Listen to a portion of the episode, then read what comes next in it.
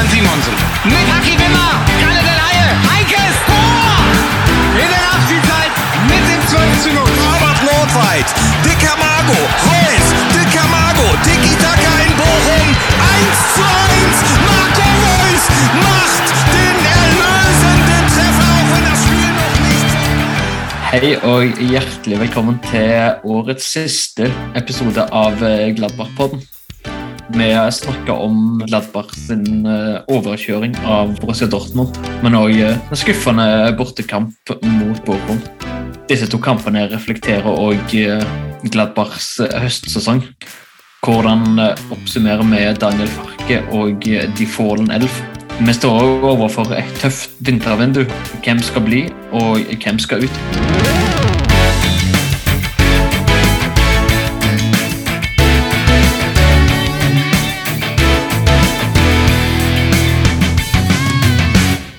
Alt dette skal jeg, og litt mer skal jeg snakke med sammen med mine faste, mitt faste panel.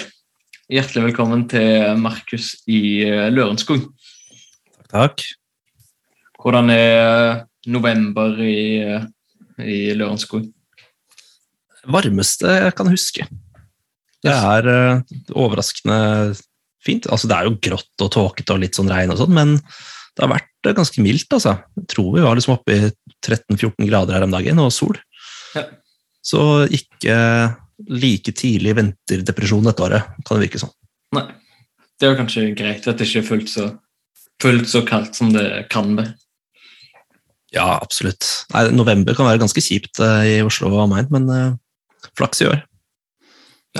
Så bra. Hjertelig velkommen til Gard i eh, Bergen. Takk, takk. November er vel eh, like regnfull der som eh, hver måned i år. Ja, det vil jeg tippe. Jeg har ikke sett statistikk på det, men eh, det vil ikke overraske meg. Um, men altså, jeg er vestlending, jeg trives med det. det er vestlendinger som klager på været, de får flytte. Det, jeg orker ikke å høre på det. Har du valgt feil plass å bo? Ja, definitivt. Ja. Du som er fra Førde, er vel vant med at det er litt vått uansett. Det er, det er litt sånn fram og tilbake om det regner mest hos oss eller i Bergen, men eh, ja, det er jevnt over ganske det samme. Hvordan er det borti The Gateway, Gateway to the World da, i Hamburger? I Hamburg? Jo, det er, det er fint, egentlig. Det, her òg begynner det å bli litt sånn grått og kjølig etter hvert, men det har vært ganske mildt og varmt lenge. Så det har vært, det grunnen ikke vært så verst, og det er liksom fortsatt eh, litt blader på trærne og sånt. så Det er litt, eh, her, begynner de jo, her begynner de jo å åpne noen julemarkeder der så smått. Ja, det er det gjort i Oslo òg. Oi, vi er i midten av november. Det var litt tidlig. Mm. Ja, altså Det er ikke så mange som har åpna ennå, men det er noen som faktisk har åpna allerede. da. Men de fleste åpner sånn siste, siste helga i juni-november. Ja, det? Det er innafor. Ja. Men uh, jeg har liksom ikke helt den julestemningen nå, men eh, det er vel kanskje helt greit i midten av november. Ja, altså det kommer jo liksom julegodteri og julebrus rett etter sommerferien, føler jeg, i butikker. Ja, Det det, det kommer tidligere og tidligere. Men nå er det jo, eh, nå er det jo eh, slutt på eh, fotball rekordtidlig. I hvert fall Bundesliga-fotball. Jeg vet ikke om dere har tenkt å se på VM i Qatar. Nå, er- nå er det ferdig med den fotballen som betyr noe før jul. Jeg, jeg synes det var veldig deilig å få en liksom intensiv sånn eh, engelsk uke i Bundesliga. Jeg liksom fikk tre kamper pluss litt på rappen, så får det liksom saturert det der behovet for fotball for en, eh, for en stund. Mm. Jeg tenker jo ja. ikke se noe eh, Qatar-VM, jeg heller. Ja, jeg har heller ingen, ingen store planer om det. Nei. Nei. Jeg var, kjøpte meg Eller Freund har lagt en spesialutgave om VM i 82, 86 og 90. Og så jeg har tenkt å lese litt i det mens det er VM. Og gjøre litt andre ting. Ja. Det finnes jo sånn side med gamle opptak av fotballkamper, så man kan liksom gå gjennom eh, Gladbach på 70-tallet, for eksempel, og kose seg med det istedenfor. Ja. Mhm. Jeg gjorde en del av det under covid, når pandemien kom. Nemlig. Ja, og hjemme på DVD eh, alle Tyskland sine kamper fra Det er både VM 2006, 2010 og 2014. Åh, det, er, det er jo noen snadderkamper der, da. Ja, det er, De to første der er litt sånn vonde, men eh, 2014 er jo helt magisk. Ja, ja men likevel å få se Miroslav Klaas igjen i, i sin prime på landslaget, Ja. det er jo fint, det. Ja, det er nok eget. Det har jo vært ganske gøy i 2006 òg, når det var VM i, eh, i Tyskland.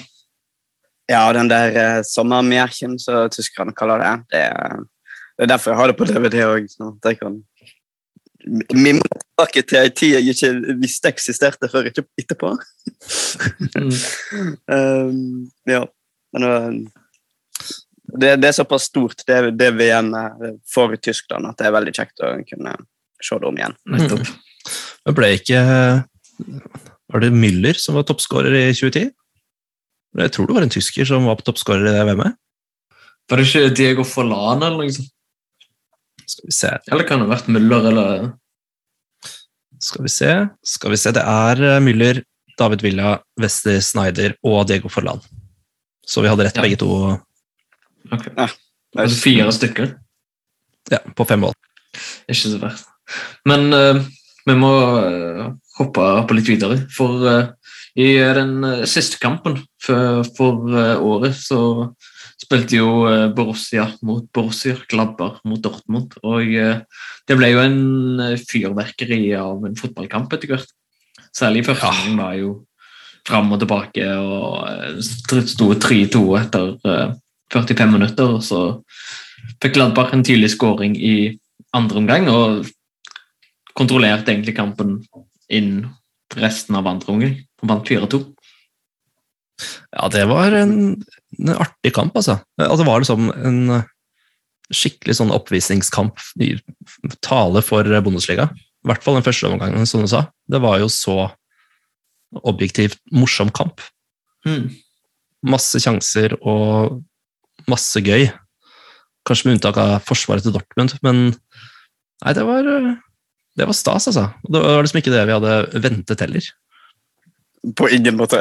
Nei, Faktisk så tippa jo både Gard og jeg ett poeng, eh, men det var liksom litt under tvil. ja. Men eh, nei, lite visste vi. Nei. Og så var det jo liksom Gladbach kom jo fra, fra 2-1-tap i Bochum og hadde liksom eh, tredjekeeper på Starta med tredjekeeper og mye skader og sykdom som det har vært eh, hele, hele sesongen så langt. Så du Ja. tenkte liksom ja, ja, hvordan skal de ta tre poeng mot Dortmund? Men de var jo De viste seg jo fra sin, sin beste side.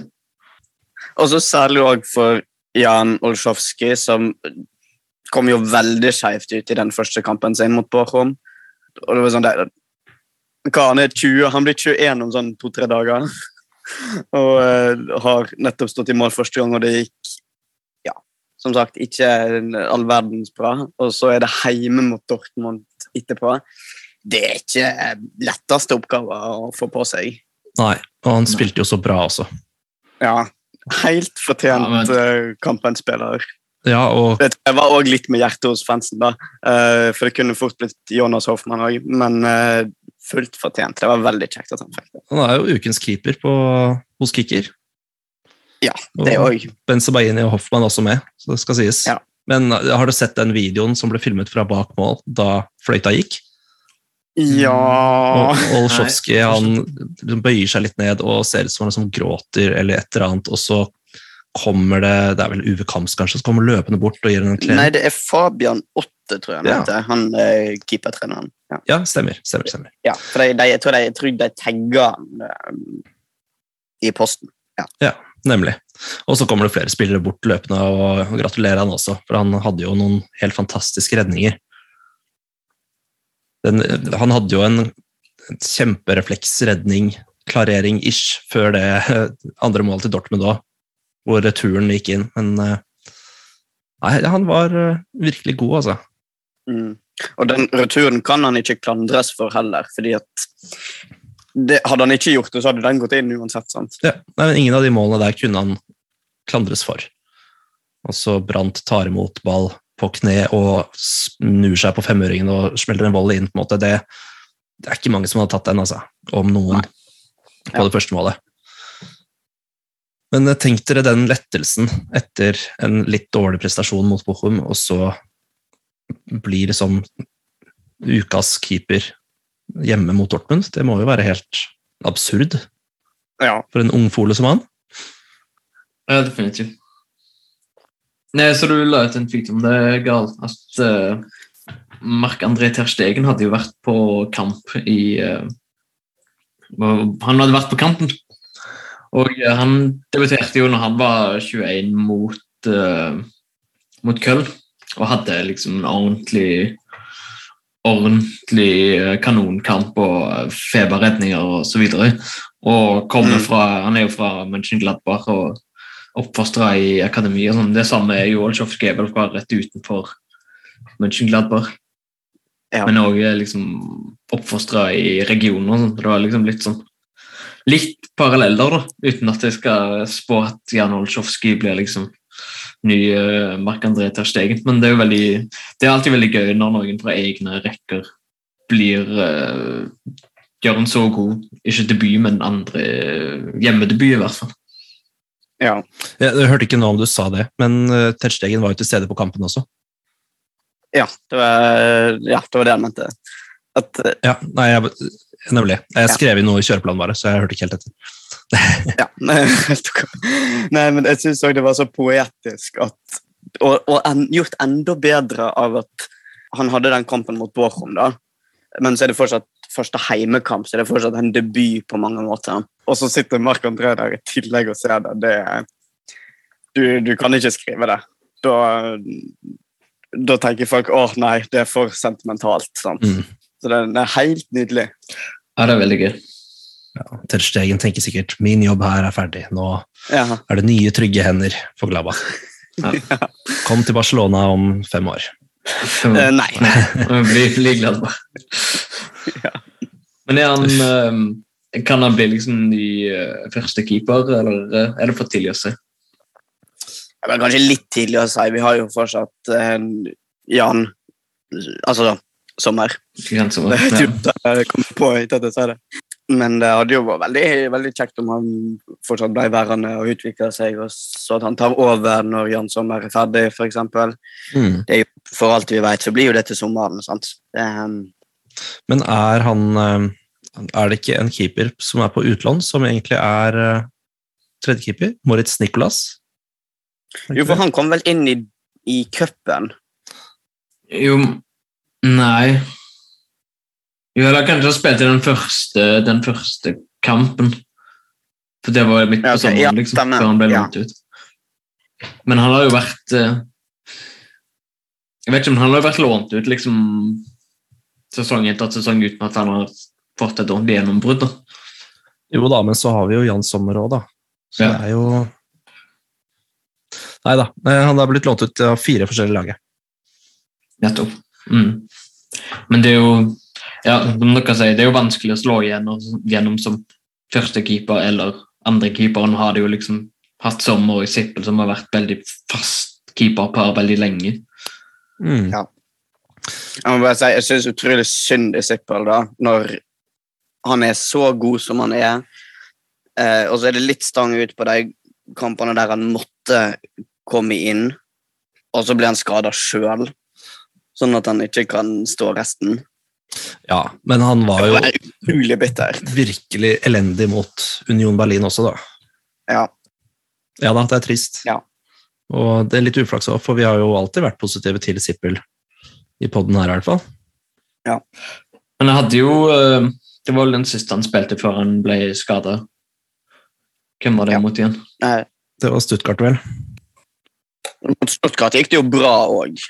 Ja, for han spilte elendig mot Union og bedre mot Stuttgart, og samme med Olsjovskij, at han spilte elendig mot Bochum og så bedre mot Dortmund. Så kanskje det er noe prestasjonsangst, Ellers er det bare bortebane.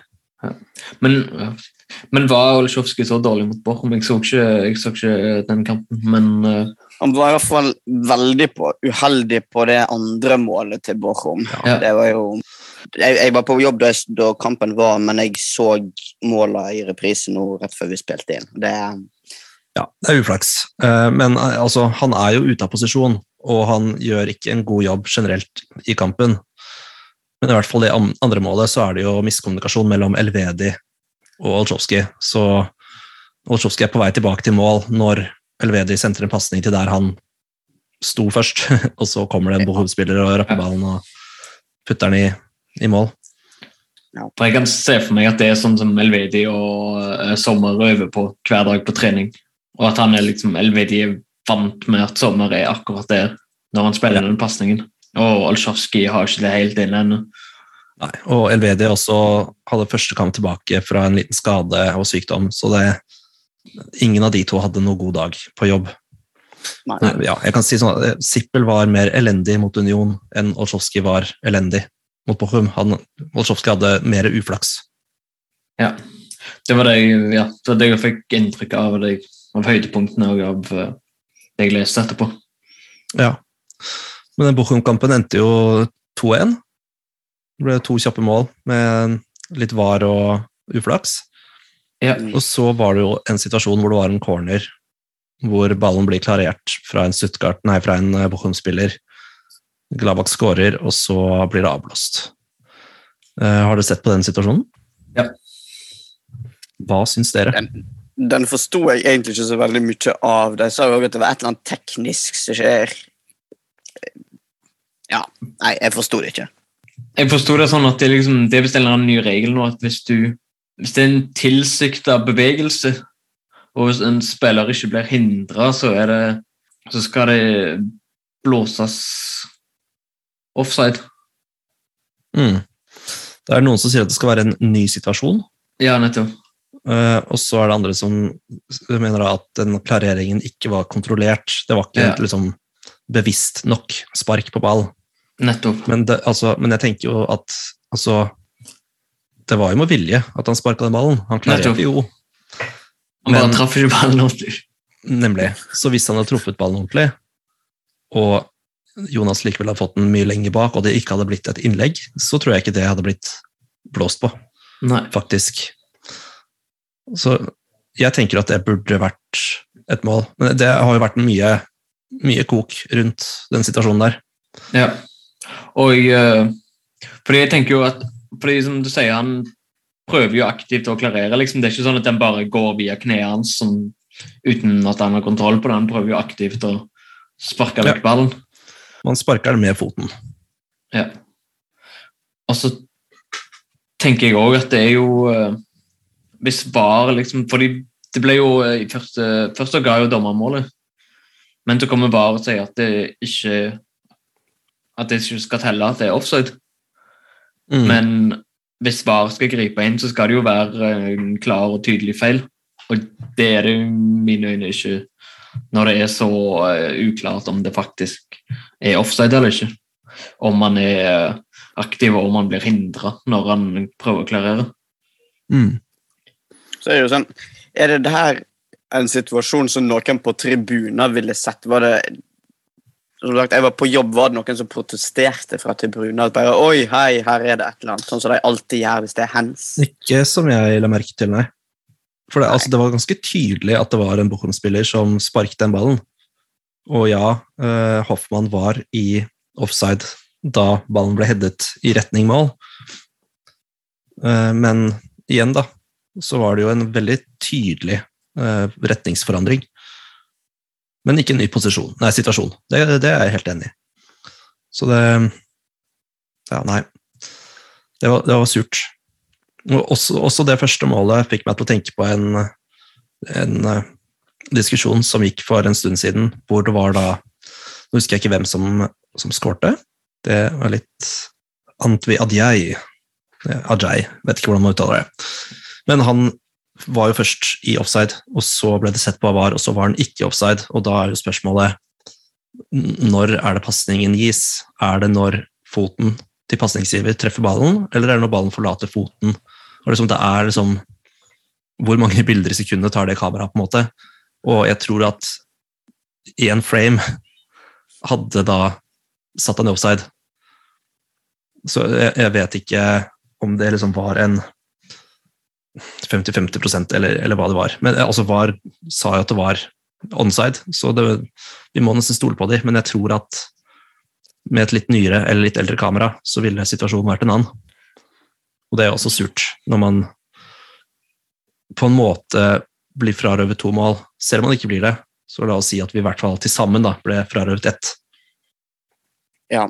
For det her òg høres ut som dere har sånn det, det er så byråkratisk. Det er så det, det, Greit at vi kan være enige i teknikaliteten, men det er så det, er, det er så irriterende når du kommer ned på det mikronivået at ingen på tribuner reagerer på det heller. sant? Mm. Men så hvis man skal ha det mikronivået, så må man jo ha det både på spillerne er snakk om, og også pasningsgiver. Ja. Eh, og der er det en liten Ja, det stemmer ikke helt overens, da.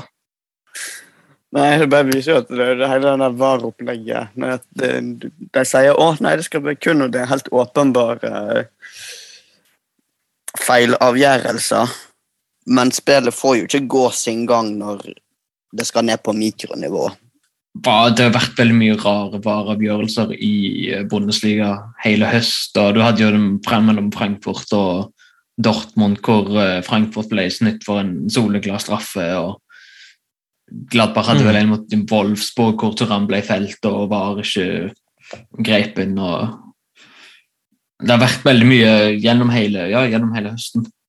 Det var jo også Sippel som slo ned Berens da, mot, eh, mot Union, som kanskje Ja, ble rødt kort. Ja, nettopp. Men det går vel under kategorien at eh, keepere kan gjøre eh, veldig mye av hva de vil i feltet uten at de blir straffa for det. Han, han slo jo i ansiktet mens Berens skårte 1-1-målet, så det er jo supert. Ja. Nei, men det er, det er mye, mye greier med VAR. Ja. Men eh, det var jo også en, eh, en situasjon mot uh, Dortmund-Gladberg gikk opp i 5-2, hvor uh, var det Hoffmann som traff uh, Hummels på liksom Nei, det var Toram som traff Hummels på baksiden av uh, på under skoen, egentlig, sånn at han mista balansen og falt. Mm. Syns dere at det var greit at det ble blåst på, eller var det for strengt? Som jeg tror Eivind, kommentator, sa det at hvis stillingen ikke hadde vært som den var, så hadde det nok ikke blitt blåst på. At uh, liksom ja, Gi denne mannen fri, han har eh, slitt nok i dag. Men det er jo også helt, helt feil å gjøre. Uh, jeg tenker at den burde fått stå. Det var vel en tilsvarende situasjon andre vei ikke lenge før, som ikke resulterte i mål, da, men som ikke ble blåst på. Mm. Men så aktiveres jo også VAR når det er mål eller tydelig rødt kort. Så Ja, jeg, synes, men jeg syns det var snålt å blåse på, for det er liksom det er, Hvor er de ved midtbanen når det skjer? mm, ja, det er vel innenfor sirkelen, tror jeg, på midten der. Ja. Og så er det Det var vel òg noe Eivind sa i bua der, at eh, hadde det ikke vært Mats Hummels som, eh, som klagde på den, Mm. så hadde han kanskje òg fått gå. Det er rart å bruke stillinga i kampen som et argument for om du skal la ting gå eller ikke. Ja, men det, jeg tror ikke det var noe bevisst. Det tror jeg heller var eh, Nei, nei. underbevisst. Men det, det kunne Ja. jo stått altså 4-4 til pause, og også 7-2 til slutt. Ja. Og Turam hadde jo så mange muligheter at det var jo helt absurd. Ja, De hadde jo noen svære sjanser på slutten. Det hadde det. ja, og det var liksom ja, Gladbach var jo veldig effektive i første omgang. Litt uvant labber, egentlig, og så var de mer tilbake til å sette gamle sjansesløserne i eh, andre omgang. Men Mm. uh, heldigvis gjorde det ingenting på slutten. da. Nei, de spilte bedre og forsvarte bedre enn en Dortmund. Vi hadde noen sjanser, de òg, men uh, jeg tror nok det var en fortjent seier, altså. Eller def definitivt en def eh, fortjent seier. Ja, det trenger ikke å være beskjedne der. Det sa vel Julian Brandt òg etter kampen, at eh, det var fortjent at Gladbach vant. liksom. Nå var jo Disse to kampene har jo vært veldig representative for eh, det Gladbach har levert i hele høst, egentlig. Med bortetap og eh, ganske svake mot eh, antatt dårligere motstand, og så stort sett veldig gode mot eh, lag fra øvre halvdel av tabellen. Ja. Nå var det jo den Union-kampen òg, da. Union har jo vært veldig sterk i år. Men der syns jeg også at uh, Gladbach hadde fortjent et poeng. Ja, egentlig. Mm. Særlig sånn som det ender med sju minutter på overtid. Det var sykt. Fytti katta. Men uh, det var borte, da. Så det er jo en annen eh, tendens at Gladbach eh, har jo ikke vunnet borti denne sesongen. Nei, det er jo helt sinnssykt, egentlig. Ja, det er teit. Ingen av de syv kampene har vunnet. Men hva er det med Gladbach? eh, Hvorfor eh, er de så gode i noen kamper og så tafatte i andre? Hvorfor sliter de sånn på bortebane? Det er ikke godt å si, altså. Eller om de bare trives ekstremt godt på hjemmene.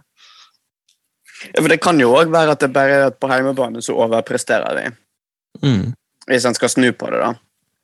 Men igjen, Gladbach er bedre enn Bochum. Uansett hvor i verden det spilles. På papiret, i hvert fall.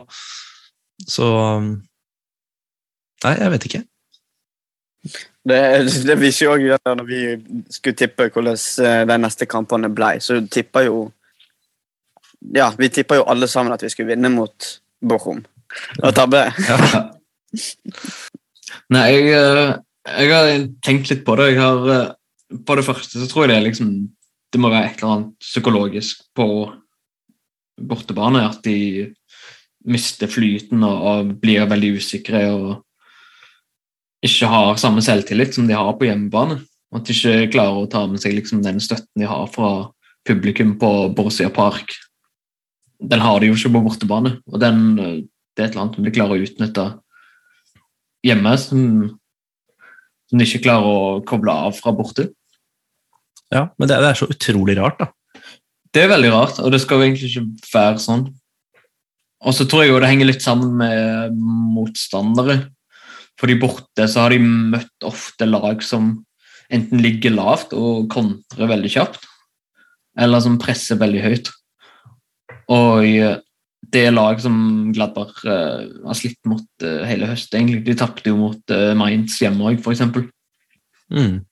Mm. Det er vel så mye det, da. Så, um, borte i Freiburg, som, hvor det ofte er litt mer åpent, så kunne de jo fort ha, ha vunnet. Altså, de kunne jo fort ha tapt òg. Denne kampen var jo veldig jevn, men uh, den var liksom mye, jevn, mye jevnere òg. Og så spiller det nok inn at de har hatt så mye skader og ikke har fått ordentlig flyt på ting og måtte rotere veldig mye. og Mot Bochum så var det vel over 25% av laget som var syke eller ute med skade. Inkludert av første, andre og fjerde keeper. Og det sier jo alt, egentlig. Og Ja. Friedrich er ikke den raskeste forsvareren, og de står ofte veldig høyt. Men jeg syns det er så rart mot Bochum, for eksempel. Da. Det var jo tydelig at det, de brukte det våpenet de Det eller største våpenet de har, altså hurtighet og bakrom. Mm. Men det burde jo egentlig være den første tingen som Farke plukker opp. Så hvorfor setter han stopperne så høyt og, og åpner for den muligheten, da? Det syns jeg er rart. De sa jo de sa for så vidt etter kampen at de i eh, Borum så hadde de egentlig planen var egentlig å spille seg ut bakfra med mer selvtillit, men at de ofte hadde spilt en lang pasning bakpå relativt tidlig fordi de hadde liksom mista, mista flyten og mista selvtilliten. Da. Mm. Liksom de hadde fått det mm, som de fikk til mot Dortmund, så det så en jo hvor bra det kan funke når, det, når de faktisk får det til. Ja, ja, men det har jo vært en ting som har funka dritbra. Selv om det er litt irriterende innimellom at de alltid skal spille seg ut bakfra. Men ja, det er merkelig. Jeg tror det handler ja, litt om eh, psykisk og litt om å rett og slett finne flyt og få eh, bli mer vant til spillsystemet til Daniel Farke. Han har Mm. bare vært der en halv sesong. Ja, Jeg får håpe at de bruker denne pausen her godt, og trener litt på ting. Nå ble jo Turam også i siste liten kalt inn til, til landslag, Ja. Oi, så han skal også til Qatar. Æsj. Det er vel eh, han, eh, Hofmann, eh, Sommer og Elvedi som skal spille VM. Og Itakura. Itakura. Er han òg tatt ut? Det er han. Ja, han kom tilbake nå. Fikk et innhopp siste åtte minuttene mot uh, Dortmund. Mm, det var fint, det. Men kan vi bare kjapt nevne også et lite innhopp i Stuttgart-kampen? Patrick Herman, som fikk uh, lov til å Ah. komme litt ut, og setter Endelig er marginet på vår side, og setter da 3-1-målet som punkterer kampen i 94. minutt. Det var altså så vakkert. Ja, det var så fint, det. Det renner noen tårer her faktisk fra Garden. Nei, nei, det er ikke helt, men jeg, eh, jeg, jeg så målet fra den kampen før vi starta, altså den kampen òg, og der, du får jo med deg jubelbrølet til hele Borussia Park fra han starta på det løpet. Ja, Og da, da grein jeg da jeg så det før vi starta. Fytti katta. ja, men ingen jubla mer enn Herman. Han, var, han men har jo spilt på nesten 1000 minutter, tror jeg, uten å score. Og så er det òg på han Det er jo hans første touch når han tar imot ballen der og sentrer den videre til seg sjøl, og så scorer han på andre. Mm. Helt nydelig. Det er vår egen Nils Petersen, det der. Ja. Det, det, Og det var Ja, nei. Det er helt fantastisk. det var veldig gøy. Det var som å se Herman fra glansdagene fra 2015-2014. Mm. Ja. Spilte ikke også Jansk i den kampen? Jo. Så både Jo. Jansk og Herman var på banen samtidig? Ja, det var, det var en nostalgitripp, nesten. For Jan Skår gjorde det veldig bra. Eh, Det var første gang han var i startoppstillinga på nesten ti måneder. Mm, ikke sant? Ja. Det er Og fantastisk. Og Zippel. Mm. Også en liten shout-out til uh, assisten til uh, Plea på andre målet i den kampen, som var helt fantastisk fint. Ja. ja, han var jo veldig god i den kampen. Ja, han var på fyr og flamme. Det var eh, som å se han eh, i åpningssesongen sin, eller debutsesongen på Gladbach. Ja, for han hadde jo målgivende på begge de to første målene. Mm. Men på den andre så er han litt ute på vingen, og så skyter han da med utsiden av foten mellom to, tre, fire Stuttgart-forsvarere rett i Turam, som putter den lett. Mm. Det er helt fantastisk. Men uh, hvor, uh, ja, hvor står Gladbach i, når vi går inn i vinterpausen 2022? Hva er, hva er inntrykket deres av eh, Gladbach så langt? Positivt til Farke og Farkeball. Mm. Eh, nei, jeg- altså jeg liker mye av det jeg ser, men det, det har ikke liksom gått borte. Det er det som trekker ned. Og vi lå vel nederst på Hvis man bare tok kamper fra august, så lå vi vel på 18.-plass, tror jeg, i Bundesliga. Oi. Eh, så det var liksom Vi har hatt Altså, vi har gjort det mye bedre eh, tidligere, hvor jeg da likevel har sittet med en dårligere følelse. Det er vel en grei måte å si det på. Mm. Og Turam er toppskårer fra åpent spill. Han har ti mål. Så det er kun Marco Royce, tror jeg, som har klart det de siste x antall årene, å skåre ti mål på 15 kamper. Og Nkunku og Fullkrig, som har 12 og 10 mål, eh, de har jo skåret straffer, begge to. Så fra Mm. åpent spill så er det Turam som leder, og Hoffmann har skåret fem, Benzbain har skåret fem. Det er eh, det Angrepet funker igjen, da tyder det på. Og det syns jeg er veldig gøy. Så må vi bare liksom få skadede forsvarere tilbake og jobbe litt der, så tror jeg dette blir bra. Ja. Jeg er gjennomgående positiv, selv om eh, Ja.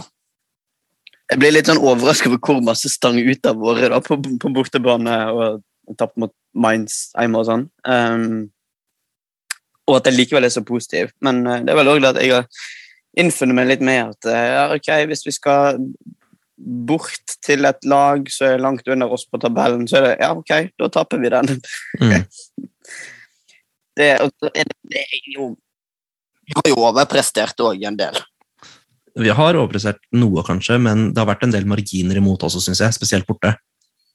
Ja, men nå tenkte jeg mer på eh, de sesongene vi har enda på fjerdeplass, f.eks. Jeg skal ikke si at vi har overprestert da, men det er feil å forvente det. Mm. Og at nå lever jeg greit med at eh, jeg, jeg liker Farke. Jeg liker at det virker som at det er god stemning nå, og at eh, folk trives. Og folk presterer så godt de kan. Og så betyr det òg nødvendigvis at det blir stang ut òg. Mm. Det Men jeg kan leve med sånn som det er nå. Mm. Og jeg har ikke noe absolutt forhåpning om at vi må spille Europa heller, for det fører òg en del dritt med seg. Mm. Det er jo en uh, overgangssesong, i hvert fall. En mellomsesong. Ja. Men uh, det, er jo, det virker jo som de har truffet godt med valget av Daniel Farke, at han passer til det uh, Roland Birkus og resten av styret har for seg at uh, Gladbach skal gjøre på banen. Så er det jo liksom Ja. Jeg tenker jo åttendeplass er egentlig Det er omtrent der man er akkurat nå. Mm. Mm. Jeg håper jo på en sjetteplass, men jeg har ikke noen høyere forventninger enn det, egentlig. Nei, men det er et fint mål å kunne strekke seg mot òg. Mm. Mm. Å kvalifisere seg til Europa, det tror jeg skal være innafor. Eller bør være innafor. Ja. Vi har litt grann eh, statistikk så langt i sesongen. Bare veldig Ja. kjapt. Eh, Dette er ifølge Bundesliga sine egne sider. At, eh, nei, Kicker faktisk sier at Sommer er den nest beste keeperen i Bundesliga så langt, etter Kobel Mm. på Dortmund. Vi får se hvem som står i mål for Sveits. Vi får håpe det blir Sommer. Så sa jeg at Turam har flest mål fra åpent spill. Så er Ngomo den nest raskeste spilleren i Bundesliga så langt. Og det er Mm. imponerende. Slår, slår Davies ned i støvlene. Det er kun Diabi Diaby på Leverkosen som er eh, raskere, da. Med ja, ca. et halvt sekund, holdt på å si. Eh, nei, det blir helt feil å si. Ikke et halvt sekund, men noen meter i timen. Ja. Så er det selvfølgelig Ervedi som har flest vellykkede pasninger, eh, som han alltid har. og Ligger på 94,93% nå. Så har Conné nest flest vellykkede dueller etter Bellingham på Dortmund. Nei. Og Köln leder statistikken for flest selvmål. Så der har vi det. Og den siste der, det er, det er gøy. Det er moro. Det er den deiligste Ja, statistikken. den eh, Så jeg også si bare, eh, kom på at Scally skal også til VM for USA. Ja. Ja, nettopp. Hvem som har vært de beste spillerne til Gladbach eh, i eh, høst? Jeg syns Turam har vært veldig, veldig god. Ja. Eh, og jeg syns også at Kone har vært veldig, veldig god. Og jeg syns at Benzebaini har vært veldig god. Og så fungerer kombinasjonen Turam og Plea. Uh, ja. Det er òg veldig kjekt å, å se. Ja. Um, Hoffmann også å komme i gang, virker det som. ja, ve veldig kjekt. Og med tanke på Hoffmann, han ble jo skada, eh, er skulderskaden. Og med en gang han kommer tilbake, så er det første han gjør, er å skåre. Ja, og for et mål det var. Ja, det var helt nydelig. Og, at- og akkurat det samme i Dortmund-kampen òg. Så var jo det første som skjedde, var jo etter fire minutter så skåret han igjen. liksom. Mm. Um, Ja. når, han, er- når han er på, så, så er han på. Mm. Ja, det var teit sagt, men Ja, men det, det er um, sant. Ja. Men har, eh, har eh, Plea og Turam fungert så bra sammen, egentlig? Altså, de har, synes de har sett bra ut de siste kampene, men sånn Det har lenge vært et, det har også vært et par kamper hvor det ikke har sittet så veldig bra. Særlig Plea har vært veldig opp og ned og veldig ujevn.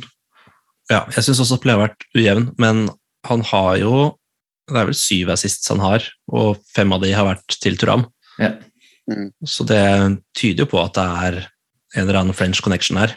Spesielt mot Stuttgart så, så var jo Plea utrolig bra. Men, Ja. men jeg er helt enig i at han har vært ikke den beste, men jeg syns det ser ut som de, liksom, de har funnet mer ut av det denne sesongen her.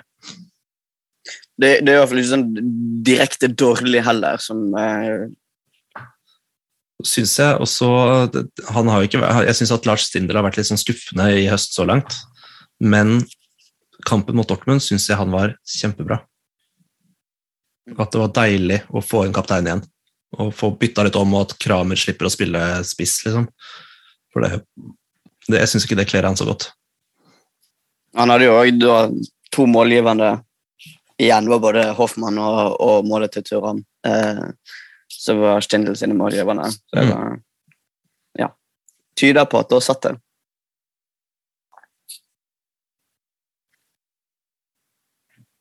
Med neste punkt på programmet er jo dette kjære 2010-laget som vi har holdt på med. Yeah. Og eh, det har vi jo um, Folk trodde kanskje vi var ferdig med det da, når vi har, vi har plukket ut elleve spillere, men uh, de må ha en trener òg. Det må de nok. Ja. Og uh, der er det jo ja. Jeg vet ikke. En, uh, de som kjenner Gladbach litt, uh, aner vel at det blir et uh, enkelt valg, men uh, man kan ta kandidatene for det òg. Og uh, kan jeg også nevne at uh, vi hadde jo prinsippet med spillerne at de måtte ha vært minst to sesonger i Gladbach mellom uh, 2010 og uh, 2020. Og uh, det har vi droppa på uh, trenere, fordi uh, der er det noen som har vært der én sesong, halvannen sesong. Mm. Litt kortere enn to sesonger, da. Sånn at for å få litt flere å velge blant, så har vi valgt å ta med Og det er jo absolutt noen som bør nevnes, som ikke hadde vært mulige kandidater. Ja. Mm. Skal jeg gå kjapt gjennom, eller? ja takk. Starter vi 2010-11 da, med Mikael Frontsek, som da han kom i, til 9-10-sesongen og ble til etter 10-11. Fikk eh, 22 kamper i Bundesliga i 10-11-sesongen, hvor han tok 16 poeng, så altså 0,73 poeng per kamp. Eh, laget slapp inn litt over 2,5 mål per kamp, totalt 56 mål, og skårte 1,45 per kamp. Så han fikk eh, sparken etter et tap mot Sa Pauli i februar 2011, og det neste laget han tete, var eh, faktisk St. Pauli, som han eh, ble sparka etter, men eh, ikke før halvannet år seinere, da.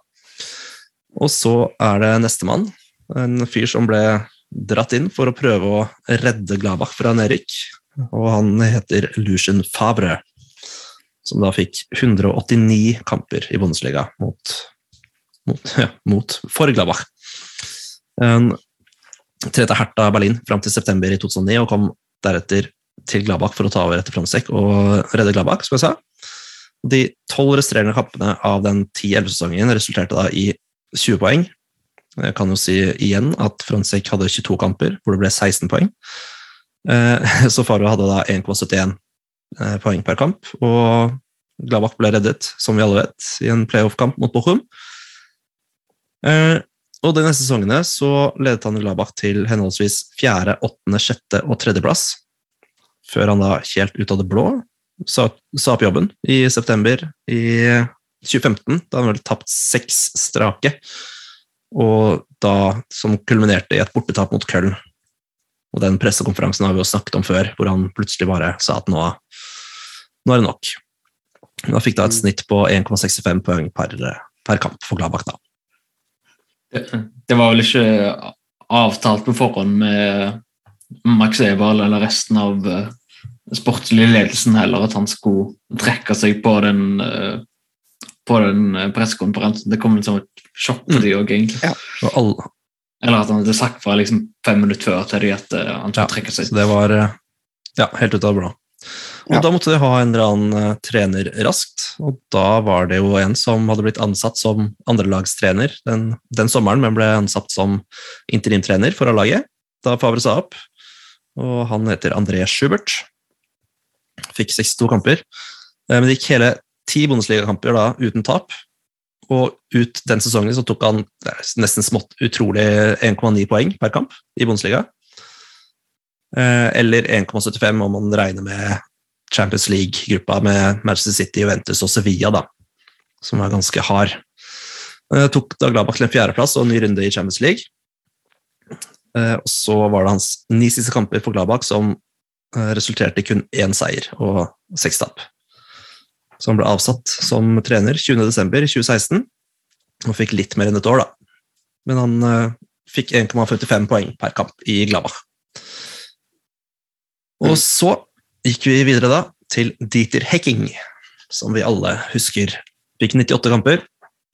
Eh, Han hadde blitt eh, sparket fra, eh, som trener for Wolfsburg i oktober, og så ble han da erstatningen til Schubert. Hvor han da tok laget til en niendeplass. Og de to neste sesongene var det niende- og femteplass og 1,54 poeng per kamp. Det var jo et ganske relativt, eller, ja, et relativt stabilt lag, men det var ikke helt på det nivået som klubben ønsket, og Eh, Max Ebel tok jo da grep og ansatte en, til å føre det til en litt ny retning. Et langtidig prosjekt for å bygge klubben opp til, til sånn den var på 70-tallet. Hvem bedre enn å føre Gladbakken i den nye æraen enn Marco Rose? Kom da fra Salzburg, og er jo desidert den treneren med høyest poengsnitt for Gladbach på 2010-tallet. Han hadde 1,81 poeng per kamp. Så han ledet da Gladbach til 65 poeng i Monsliga. Den høyeste på poengstuppen på 2010-tallet, med unntak av Favre i 14-15-sesongen. Og en eh, sterk fjerdeplass, egentlig. Ett poeng bak Leipzig og fire poeng bak Dortmund på andre. Um, ja, rett og slett. Hvordan det endte med Rosa, det vet jo eh, de fleste etter hvert, men det er jo inne på 2020-tallet. Yes. Ja, det, det glemte jeg før jeg så det svart på hvitt nå. at eh, Det stemmer det. Når vi går ut av eh, 2010-tallet, så er jo Markov også fortsatt eh, på topp. Ja, og så er det jo det å skulle velge Eller at Marco Rose ikke skal dømmes ut ifra hva som har skjedd i ettertid. Ja, Det, det ble plutselig betydelig vanskeligere. Ja. på ja. Men skal vi, skal vi lage en ranking fra liksom nederst til øverst? Ja, Det syns jeg. Jeg, eh, jeg foreslår å ha Mikael Fransak nederst. Jeg skulle til å foreslå det samme. Jeg er helt enig. Ja. Stakkars. Han var vel spiller i Gladbach òg Mm. før i tida. Det stemmer. Ja. Men hvem er på nest siste plass? Det, det blir mer vanskelig, syns jeg. Det er veldig vanskelig. Jeg. Husker så godt denne starten av trenerperioden til Schubert. Mm. At han var så det, Altså, han førte jo laget til himmels, på en måte. Han tapte jo aldri. Så er det sånn De gjorde det. Altså, det, var, det, det var også så overraskende, fordi vi starta jo helt tullete ræva. Det var jo sånn det, Favre sjøl må jo ha vært overraska, og alle var jo overraska over at det starta så dårlig. Mm.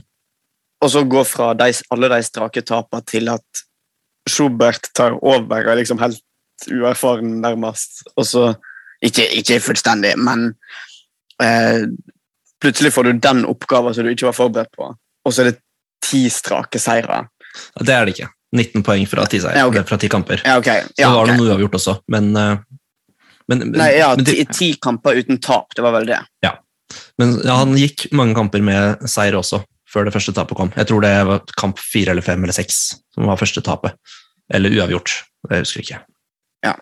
Men det blir likevel det, Hele den høsten der fra han tok over, det var jo helt vilt. Mm. Eh, hvor, hva for en snuoperasjon som skjedde på dagen, nærmest. Ja, men jeg, jeg føler kanskje likevel at han er, er over hekking. Eller ikke likevel, på tross av, kanskje. For jeg syns hekking spilte altså kjedelig fotball. Jeg, ja, jeg er for så vidt enig i utsagnet, men uh, jeg har likevel litt lyst til å ha Schubert under hacking, fordi at uh, Jeg mener at uh, Schubert egentlig Han var rett mann på rett tid når han kom inn. God motivator og eh, klarte å bygge liksom videre på det som hadde fungert under uh, under Lucien faber, egentlig. Mm. De hadde liksom gode strukturer og visste hva de visste hva de skulle gjøre. De trengte bare en som kunne liksom få laget til å få selvtilliten og flyten tilbake igjen. og Det klarte de jo perfekt med André Schubert. og Så dabba det av mer og mer jo lenger han var trener og fikk skulle omsette sine ideer. og Mm. Jeg mener det ble klart at han til slutt at han egentlig ikke var en veldig god taktisk eh, trener. Ja. Så var det jo de ni siste kampene som bare hadde én seier, da. Men dette var jo inkludert Manchester City, Barcelona og, og Dortmund, for eksempel. Ja, altså, men Og et argument Jeg syns jo det var tristere å miste hacking som trener, selv om det tok litt tid å liksom vende meg til ja, ja, ok. For jeg var ikke veldig positiv at han ble ansatt, men så vokste han veldig på meg, og jeg ble veldig ja, fornøyd med han som trener. Så jeg syns det var tristere å miste hacking som trener enn Schubert. Ja, men det, det kom jo litt mer ut av det blå også. Det var liksom plutselig at klubben hadde funnet ut at de skulle ta en ny retning. Ja, og så vet ikke om jeg helt, liker helt ordlyden i det heller, at å, vi bytter trener fordi å, nå har vi plutselig fått uh, større ambisjoner, eller hva det skal være. Ja. Eh, det, forstår i alle fall uh, sparking av Schubert bedre enn sparking av Hacking. da. Mm, fikk, og sparking av Hacking er jo starten på Ebel sitt fall. ja. Men Schubert hadde jo bedre poengsnitt enn en hacking, da, totalt sett. Ja. Men Men han vel uh... vi kan godt sette han på nest siste, altså. Det, Han har jo færre kamper òg, da. ja, absolutt. Det husker han jo best for det din første tiden, og for de overraskende store armene Ja. hans. Ja. Så sto han, han sto ofte liksom på sidelinjen med sånn, uh, sånn lysegrønn hettegenser når uh, Gladbach Mm. spilte. Det var liksom klassisk Schubert. Men han har jo heller, uh, heller ikke ettertid gjort noe særlig som trener. Han har jo vært i litt sånn Kiel og Braunschweig og Ingolstadt vel, og fått sparken etter relativt kort tid i alle klubbene, fordi han har, ja, har ikke fått det noe rett. Motsetning til Hekking. I motsetning til Hegg. Som, eh, ja. Mm. Nei da, han har ikke gjort sånn han, har jo, han er jo sportsdirektør i Nürnberg nå. Ja. Han har ikke trent noe lag Han trente jo Hamburg. siden han Mm. Ja, det gjorde han. 36 kamper i andre bondesliga Mm. Ja, det var vel fjerdeplass. Klassisk Hamburg. Ja, og klass, klassisk Hekking òg, kanskje. Nei, men Vi kan godt sette Hekking over eh, Schubert, altså. Det går helt fint. Men at, uh, at Marco Rose er topp to-kandidat, det er jo, er jo gøy. Men vi har, det, det, er jo ikke det vi har avgjort ennå. Vi har jo bare sagt at vi setter Schubert på fjerde. Ja, ok. Ja, Ja. uh, Den er god. Er det, vil dere ha hacking på tredje? Ja, ja, altså, skal jeg være sånn objektiv og bare se ut ifra 2010-tallet, så er jo Marco Rose en som klarte å finne en spillestil og, og lede Gladbach på en bedre måte, og mer underholdende måte i hvert fall, enn en Hekking gjorde.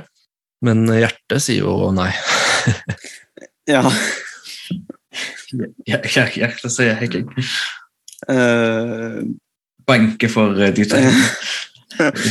Veldig dype øyenbryn. og Like store øyenbryn som Schubert hadde biceps. ja. Men eh, jeg synes det skal sies til Heggen sitt forsvar at den siste sesongen han var der, så spilte de jo veldig god fotball den høsten. De var jo eh, De var vel oppe på en femteplass og snuste på en fjerdeplass når de gikk inn i, eh, i vinteropphold, vinteroppholdet.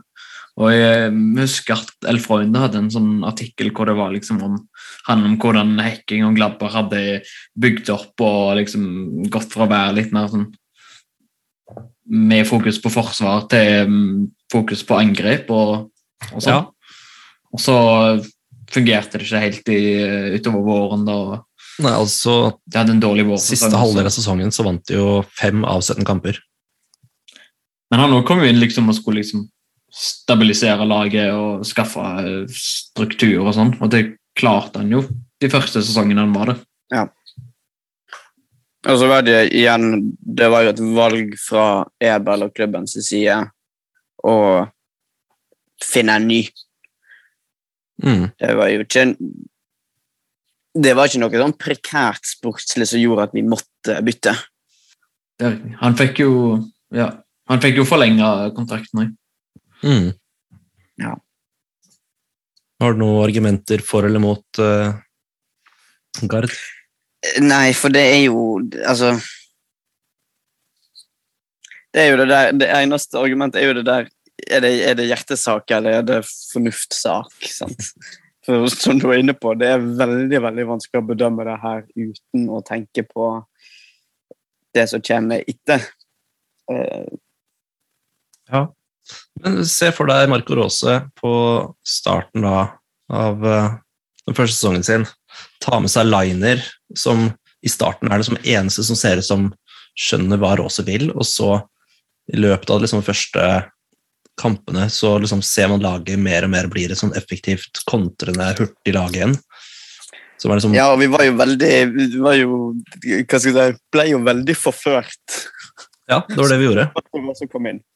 Tok oss videre fra Champions League-gruppespill, og- Ja. men det var jo senere, da.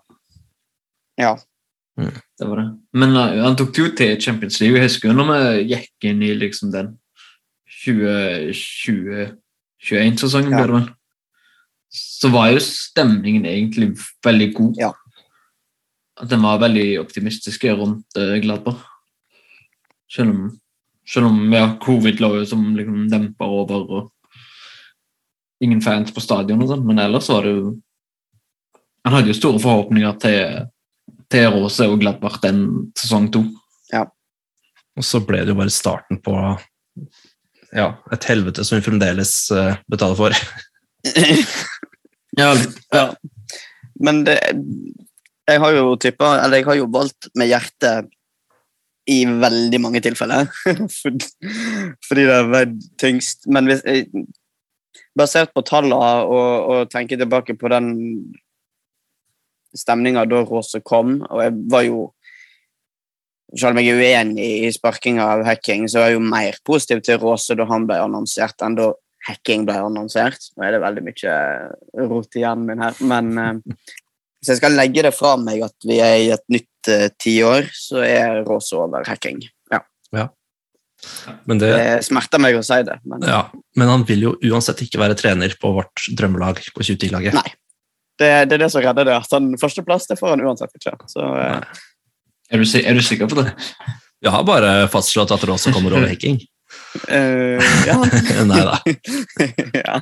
Men nå tror jeg vi har, vi har avslørt uh, plasseringa òg. At det blir da det blir vel hacking på tredje og Råse på andre. Ja, jeg tenker det, ja. Det er vel bare én mann som, som gjelder. Det går ikke med på at Rose skal enda en plass opp. Nei da. Nei, da. Lucien Favre, Lusen, er jo ja. Gladbach-legende, og så sinnssykt eh, liksom viktig i 2010 Gladbach. Mm. Førte oss fra nedrykk til Champions League og Europa. Europa først, da. eh, Champions League senere. Men den Ja, nei, det er jo husker ikke hvem som sa det, men det ble nevnt at om, om Gladbach hadde tapt disse playoff-kampene mot Bochum, så kunne det godt hende at Gladbach hadde spilt i andre Bundesliga nå og var en sånn mediumklubb. Ja. Men mye grunnet Lucio Favre, så er vi en av de klubbene som forventer å, eller forventes å kjempe om europaspill. Det er jo bare sesongen etterpå så ble det vel fjerdeplass og Ja. røyk i semifinalen i cupen mot Bayern. Ja, ikke sant? Og, da, og da, det husker Mm. jeg, for jeg har søkt i arkivet til Dagsrevyen. Var det noe om det her i Sportsrevyen? liksom? Og da hadde jeg et intervju med Håvard. Det var vel rett før den, eh, den semifinalen. For da, det var så utrolig at n- nå gikk det sånn for Gladbach. Det var vel med vinklinga at å, det er nordmann med her, og se hva som skjer. Men eh, Mm. ja, jeg husker det veldig godt. Nei, ja, det er jo ja, Ta liksom en ordentlig nedrykkskandidat blotta totalt på selvtillit og liksom få det i løpet av få år til å spille blant ligaens mest underholdende og Han er jo liksom Han er jo, han er jo kanskje, hvis du tar vekk eh, Hennes Weisweiler, som trente Gladbach på 70-tallet, så er jo Lustin Favre trener nummer to i rekka av uh, Gladbach-trenere sånn, gjennom tidene, hva status og eh, Mm. Mm. ferdigheter angår. Ja, det vil jeg tippe. Ja, han var jo helt sinnssyk på sånn taktikk. Og, og forandre og bytte spillere, og da forandre hele kampbildet. Ja. Og Gladbach var jo veldig keen på å få han tilbake nå også. Ja, Etter hytter. stemmer. Og det var jo ikke så langt unna, men, men Favre Mm. sa at han ikke hadde lyst til å jobbe i, i Tyskland mer. Ja. Og det er fair, det.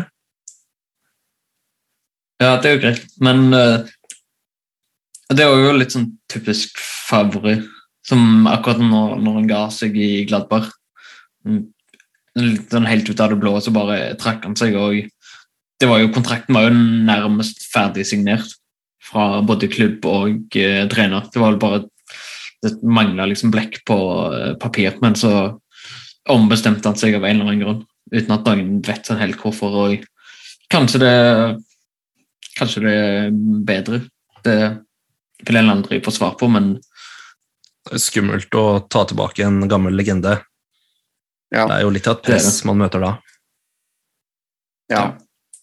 det virker jo å funke, funke greit under, eh, under farket. Og det Og med Favre og måten han forlot oss på, det var jo virkelig smertefullt. Ja, fordi alle likte han, og så var det jo så vakkert også fordi et tap mot Köln, det klarte han ikke å bære på sine skuldre. på en måte. Da, Mm. da kunne ikke han hjelpe Gladbach mer hvis han tapte mot Köln. Ja. Det var liksom Det, det, det fremsto i hvert fall som en, en trener som virkelig likte klubben han jobbet i. da. ja, han forsto hva det betydde. Ja. Og det er noe med at både da han kom inn, så så, så redda han klubben mer eller mindre. Mm. Og, og, og så er det òg noe med at det er, det er veldig vemodig, det tapet av han òg. Så det er liksom både, både inngangen og utgangen er liksom veldig Vekker noe i meg, da. Mm. Men det er jo Ja, det må jo bli han, Ja. liksom. Mm. Og desidert den med flest kamper. ikke sant? Han har jo 189. Mm. Det er Dieter Rekking er på andreplass med 98. Han har fortsatt nesten 100 kamper mer. Mm. Så det er ikke tvil om hvem som har ledet Gladbach mest og lengst i, i den perioden. Det var aldri noe tvil fra meg, i hvert fall. Nei, det, nei, ikke fra meg heller. Det var, det var ingen som var noe særlig tvil her. Det var litt sånn ja. Men uh, ja, da har vi Lucien Favre til å trene 2010-tallets lag. Så, Det er ikke dårlig, det. Nei, det er ikke det. Så uh, spørsmålet om uh, Skal vi gå videre? Ja. Er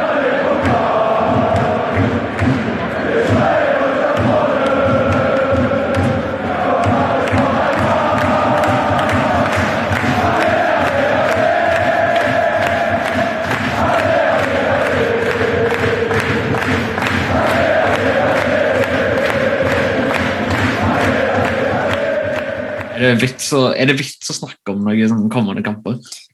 Det er så lenge til. Jeg kan jo tippe da, bare ha noe å diskutere neste gang. Det kan vi gjøre. Det er jo, vi kan jo ta de to eh, Fordi eh, den såkalte hinrunde eller- er jo ikke helt halvveis i sesongen. For de har jo to kamper igjen før de er ordentlig halvveis. Det er jo mot Leverkosen i uh, neste runde er vel 20. 22.. januar. Eller spiller vi, da. 22. Så det er Ja. søndag, så det er 20. er riktig, det. Ja, nettopp. Um, og uh, hjemme mot Leverkosen. Mm. Og, uh, og så er det borte mot Augsburg helga etterpå. Og så er man ferdig med den runden, og så er det liksom neste helg. er Men er ikke, den, uh, er ikke den kampen mot Augsburg på, ei, på en ukedag? Det står her onsdag. Det kan det godt være. ja. Vi må Ja. jo ha flere engelske uker for å Ja. ta igjen tapt tid fra dette forsøket nede i ørkenen. Ja, eh, faenskapet der. Ikke sant. Mm. Hva, hva tror dere, basert på hva en har sett nå de siste ukene? Liksom? Er det, det er jo ingen som vet for om de kommer tilbake i um, to måneder. Det er såpass lenge til at jeg baserer, baserer det hovedsakelig på er det hjemme, eh, borte og navnet på klubben. Um, men jeg skal være så dristig å si at vi vinner hjemme mot Bayer Leverkusen. Ja. De har jo vært utrolig gode det siste, da. Ja, men så viser det jo sånn plutselig så vinner vi mot Dortmund, og vi spiller uavgjort mot Bayern, og så er vi hjemme. Ja, og så har vi forhåpentligvis da sommer tilbake, eksempel. Ja. Eh, Men så må dere ikke glemme at Leverkosten lå nedpå sånn 14.-15.-plass for eh, tre kampdager siden. De er jo et av bunnlagene. Ja. så, så da Ja, taper jeg- vi ja, men igjen, det her er basert på, på navnet på klubben. Absolutt.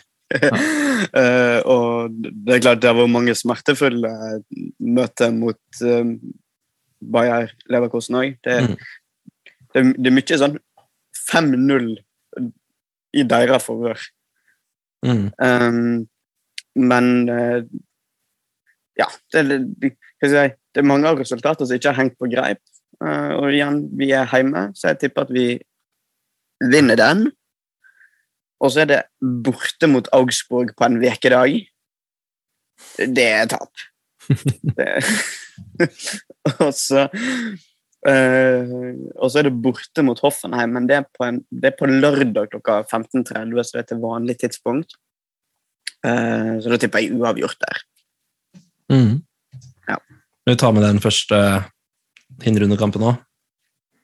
Ja, det er i hvert fall den vi har med på, på oversikten, hvis vi tar de første tre kampene.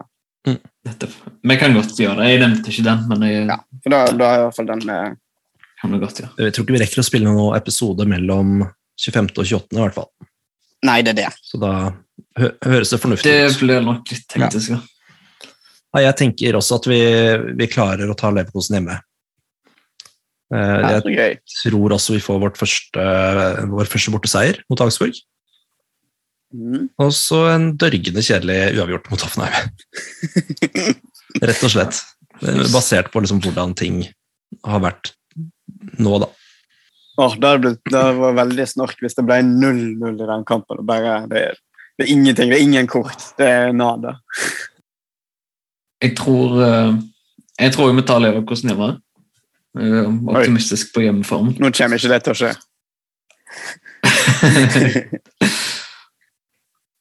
Og så tror jeg at uh, det ble uavgjort borte mot Augsburg.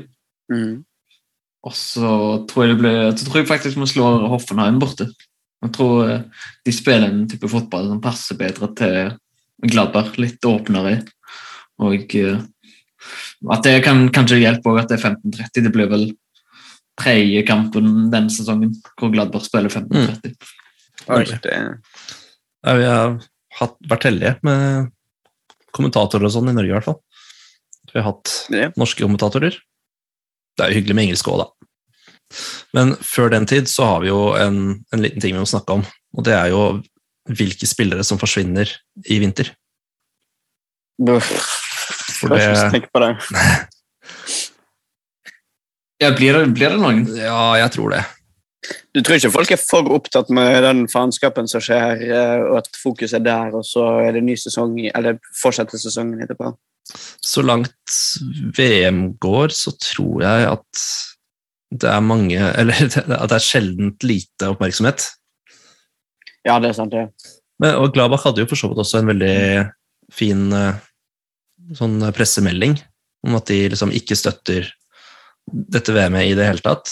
Og de hadde jo også for så vidt kjempefine drakter med sånn regnbue-logo, Ja. latex, istedenfor uh, vanlig hvit-oransje.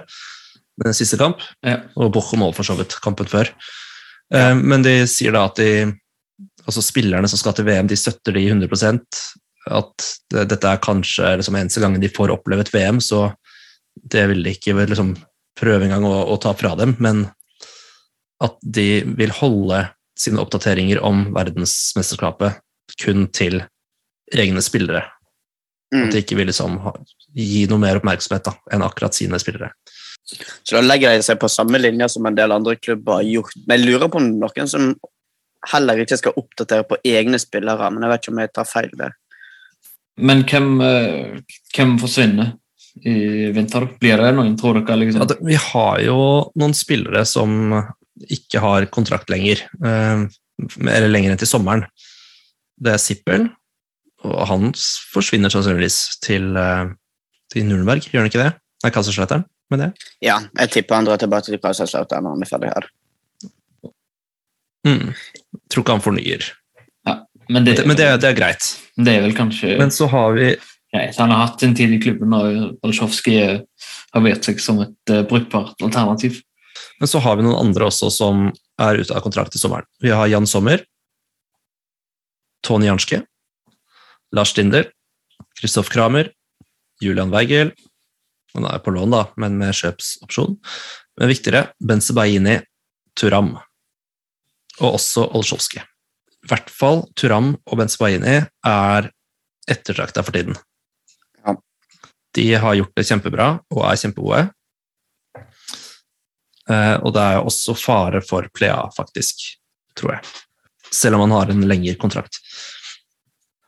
Um, jeg tror kanskje at vi mister Benzbein i, i vinter.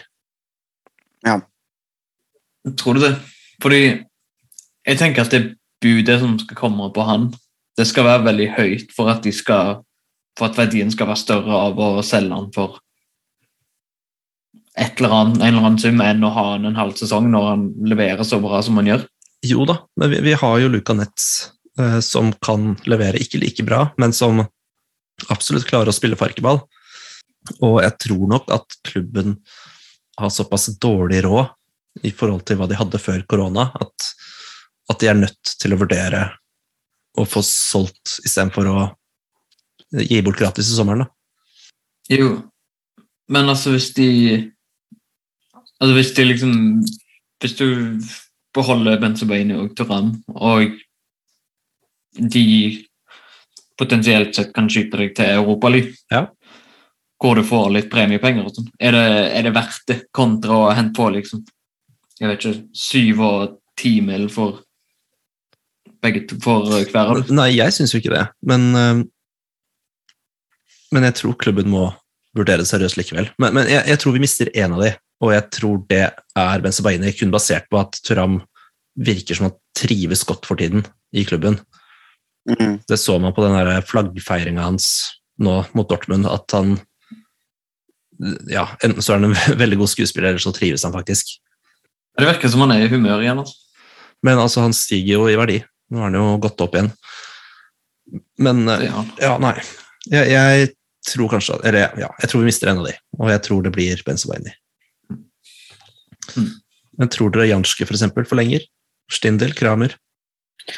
Jeg vil jo tippe at eh, Janske går over i at nå får han en, en eh, Han får en annen rolle i klubben.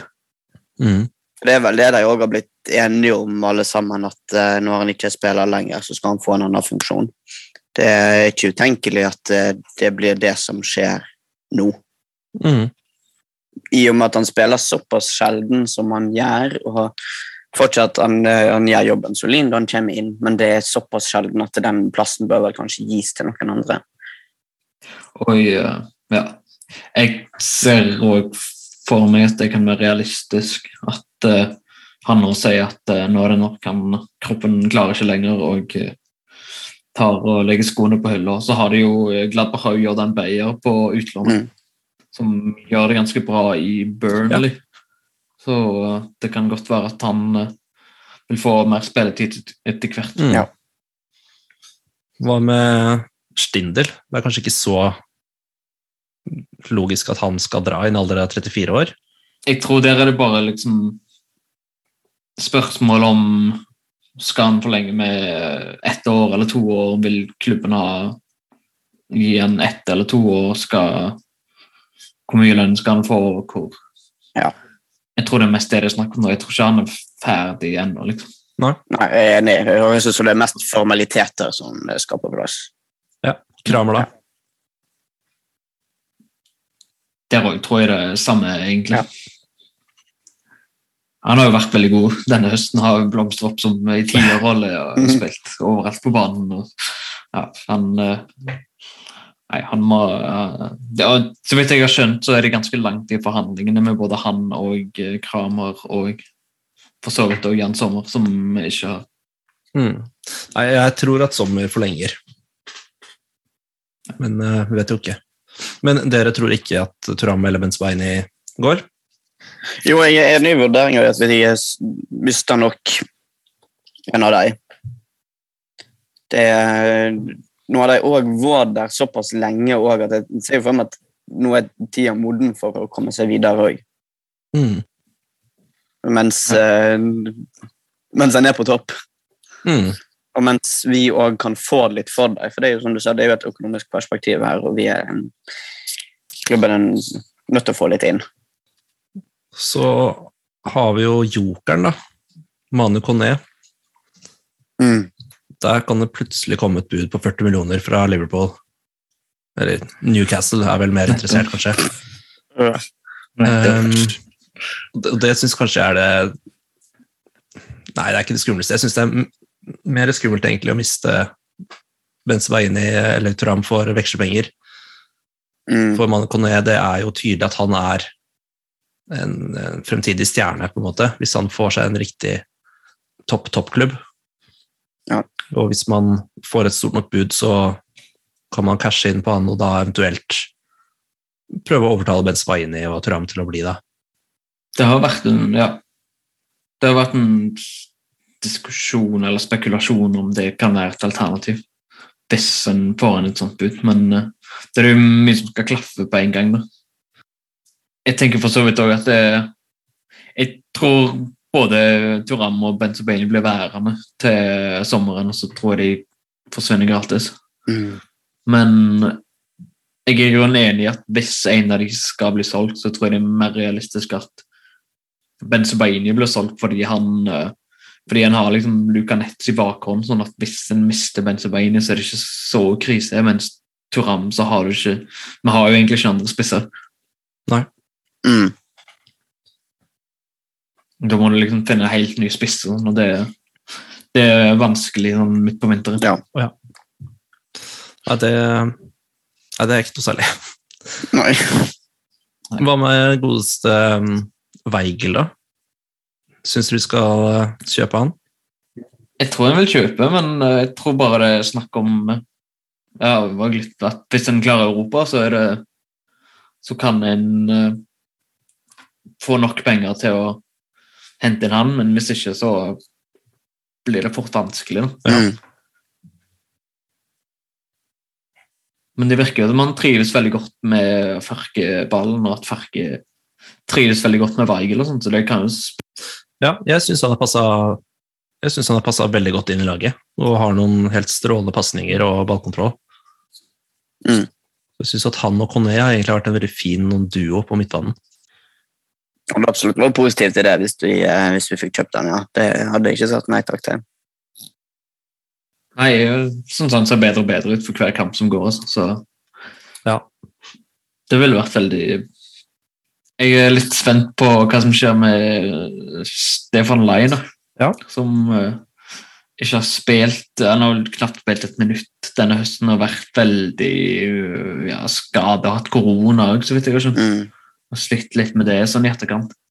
Og om han er liksom en del av eh, planene, eller om det òg er en spiller som en vil vurdere å cashe inn litt for når eh, Hvis det kommer et, eh, et brukbart bud. Mm. Spørs om det kommer noe bud når han har vært så av radaren så lenge, da. Men, Ja. Han har spilt totalt 41 minutter, fordelt på Bundesliga og cup. Ja. Det, er- det er ganske stor kontrast til da Råsa tok den med seg. Ja, Det er det. Men jeg, jeg skjønner liksom ikke helt hva som har skjedd. Nei, det er veldig merkelig. Ja. Fordufta. Han var jo en av mine favoritter, i hvert fall. Mm. Ja. Nå har jo et rykte om å sprenge opp og ned på høyrekanten der. og Ordentlig eh, propp. Ja, skikkelig. Men han har jo hatt noe ja. Skal vi se ja. Muskulære problemer og sånn informasjon i kneet, influensa og korona. Mm. Alt i Ja, det er jo ikke Det er jo ca. halvparten av det han har opplevd i 2022. Nei, vi får, får se hva som skjer med han. Men eh, det kan ikke ja, Kan ikke fortsette sånn, i hvert fall. Får håpe, han kommer seg, og at når han kommer seg, at han da får spilletid igjen, i alle fall. Sånn at han enten øh, Enten så får vi bruk for han igjen, eller så får han i hvert fall vist seg, sånn at andre får lyst på han. Jeg, jeg har lyst til å bare nevne kjapt hvordan det har gått med aldersbestemte lag eh, og andre laget Ja. eh, i løpet av den sesongen så langt. For vi er litt dårlige på å prate om eh, annet enn kamper, egentlig, og, og titall, titalls lag. Ja. Og da, ja, Der har jeg ikke sjekka noe, så jeg får ikke gjort det nå. Men uh, Hva sa du, Gard? Damelag òg burde vel kanskje hatt en spalte på. bare sånn. Ja, det burde du jo. Absolutt. Ja. Eh, Men det får vi ta neste gang. Ja, det får vi ta neste gang, for jeg har ikke forberedt noe på det. Nei. Så vi ser Gladbach 2, andre laget, ligger på andreplass i regionalliga vest.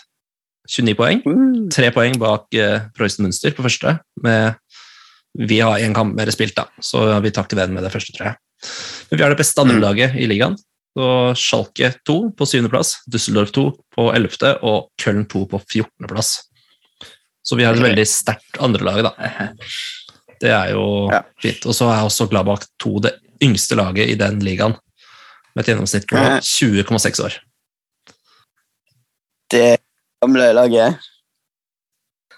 Så er det 22 år gamle Semir Telalovic som er det lagets toppskårer med ni mål. Som er to mål bak eh, toppskåreren i regionalligaen vest.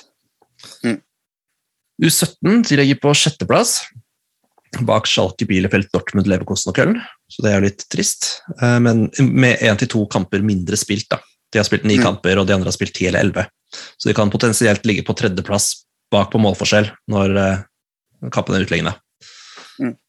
Eh, og de har også størst prosentandel utlendinger i laget. Så Gladbakk er liksom ikke den største byen, så det er ikke så mange unge talenter. Men det, da forteller du da at speiderteamet er aktivt og jager unge talenter.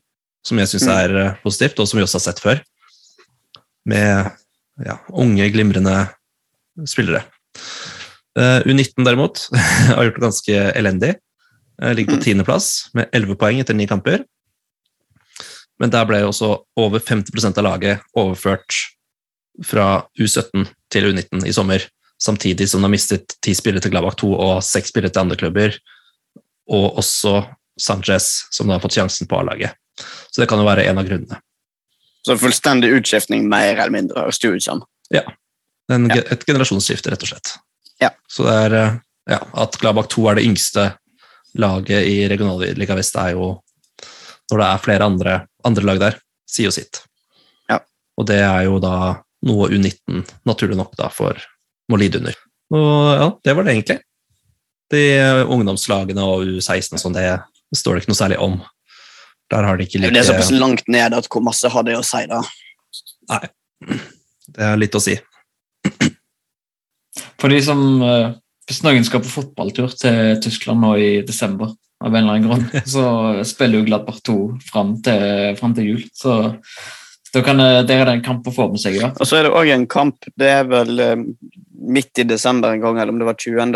Så er det en sånn som de kaller Legenden des Parks. Der skal de som er igjen, eh, som ikke skal til VM, skal jo spille en sånn eh, eh, artig kamp mot eh, et legendelag som blir satt sammen av eh, eh, diverse tidligere spillere. Der eh, Mm, Vi nevnte jo det i forrige, forrige episode. Men siden da så har du fått en ny, ny mann inn. I dag? Nei da, men mellom episodene. Ja, nettopp. Ja, det har kommet inn uh, flere enn én mann, for så vidt. Det er vel tre stykker. Få høre. Ja, den eh, første er jo spiss uh, Mike Hanke. Gode, gamle Mike Hanke, som, uh, som bildet av han. Han så litt, eh, så litt eldre ut enn uh, sist han var i Gladbach. Dere skal få ta de neste, eller den neste. Ja, var det det du skulle si, Gard, egentlig? Da jeg avbrøt deg? Uh, nei, jeg skulle bare nevne Jeg hadde glemt at vi snakket om den kampen forrige gang òg. Det, ja, Ja. det har gått i glemmeboka. Så jeg skulle bare nevne at den kampen eksisterer jo, den òg. Ja. Eh, og så hadde jeg helt oversikt over de andre, og jeg lette det fram. Ja, Nei, men Det er 17. desember den spilles. Men eh, noe som jeg ble veldig, veldig glad for, er jo at selveste Juan Arango kommer Ja. til Borussia Park. Og det er jo verdt en billett i seg selv. Ja, det er stas. Ja. Ja, ja, ja. Hanke og Arango. Hm. Mhm. Så får vi håpe på Rafael og sånn òg, da. ja, Ja. Var det ikke en spiller til som òg ble, ble annonsert? Eller, Det husker jeg ikke. Om det nei, det kan være Hvem da, i så fall? Uh, Det er det jeg ikke husker. Skal vi se Ja, der var det den nyeste oppdateringa. Der står det jo at det er eh, Det var da åtte nye som hadde sagt ja. Det var jo da Igor de Camargo, eh, Marcel Jansen Mm. Eh, Og så er det to som er ganske nye for meg, eller gamle, for så vidt. Uh, uh, Jeff, eller Jeff Strasser og Per Kloge. Marco Marin. Ivo Olich. Igor Demo. som Igor Demo husker jeg òg, eller som navn. Og Vlak Vaklav Sverkos. Ja. Hmm. Der er det noen navn som vi nok er litt for unge til. Uh, uh, ja. Men det er, det, det er i hvert fall de, de åtte nyeste, da. Og så er det jo selvfølgelig Rol Braves, Philip Thames, Oliver Neville, Mike Hanke og Juan Arango som uh, allerede var klare. Det er nok noen bein som er litt friskere enn andre der, vil jeg tro. Ja, det tipper jeg òg. Sikkert. Sikkert. Men uh, ja. Det, det kan bli gøy. Jeg vet ikke om den kampen skal sendes noen plass, eller kommer på YouTube, eller det kan vi Lov å håpe at jeg legger det ut på YouTube. Ja, det må være lov til å håpe på. Ja, for det her er jo det, det, ikke så masse mm, penger å tape på at den blir tilgjengelig for alle. Nei. Det er ikke sånn at du kan kjøpe rettighetene til den kampen.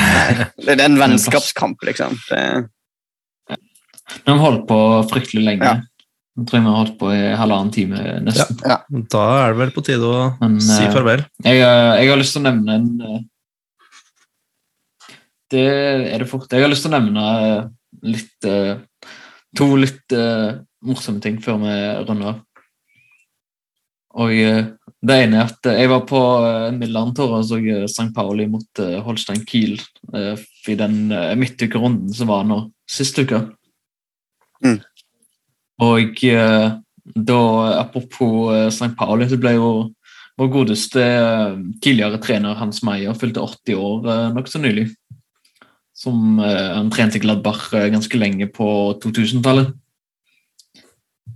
Og eh, han eh, sa blant annet om han eh, var i Han var jo med Gladbach i og spilte mot St. Pauli borte, og så sa han at han var så overraska, for det var 3000 fans som hadde tatt turen fra Mönchengladbach til Hamburg på en, på en lørdag. Men så fant han ut at eh, 2000 av de skulle bare gå på refover, så han var ikke så imponert likevel. Åh. Han var jo kjent for, han var jo kjent for å være sitatmaskin, godeste Hans Meyer. Så da, han kom med noen gullkorn. Uh. Og så Det andre ting var at eh, i den kampen mot Holstein Kiel så fikk jeg gjensyn med ingen ringere enn to gamle Gladbach-spillere. Og eh, den ene da Julian Korb, som kom inn og fikk, fikk fem minutter på slutten. Mm. I en ganske dårlig kamp. Men eh, den andre den eh, tror jeg det er veldig få som husker. Det er en som heter Marvin Schultz. Ja, ja, ja. Husker Husker dere han? Absolutt. Ja. Nettopp. Han, jeg blander alltid han med Nico Schultz, for de var der eh, samtidig. Ja, ja. Men uh, han har nå blitt høyreback på Holstein Kiel og gjør det visst uh, ganske, ganske Ja. bra. Så bra. artig. Hyggelig. Det er lenge siden, lenge siden jeg har tenkt på Marvin Schultz. Men det er ikke han, var ikke han med lenge i Gladbakka? Jo, han var vel akademispiller og sånn, og var liksom, Ja, såpass, ja. fikk et par innhopp og sånn. Nice. Nei, det er ikke verst. Nei, så det var, det var gøy. Ja. Det skjønner jeg. Vi får holde øynene åpne etter eh, gamle Gladbach kjente på både på legendekamp og i eh, andre, andre lag. Ja. Og så eh, er det bare å ønske takk for nå, og takk for Takk for følget gjennom året. Mm, Takk, takk for i år òg, selv om det er litt tidlig å si det midt i november. Ja, ja. Men alle lyttere Ja. får ha en god fotballpause fram til Ja. januar. Ja. ja. Takk til deg, Markus. Jo, takk selv. Takk til deg, Gran. Takk til deg òg. Takk til deg som hører på. Mitt navn er Einar H. Dyvik, og eh, vi er Gladbach-podden. Og på gjenhør. Ha det. Tjus. Allan Simonsen. Mit Haki Wimmer. Kalle Delaye. Heikes Tor. In der Nachspielzeit mit dem 12 zu 0. Weit, Dicker Mago, Reus, Dicker Mago, Tiki Taka in Bochum, 1 zu 1, Marco Reus macht den erlösenden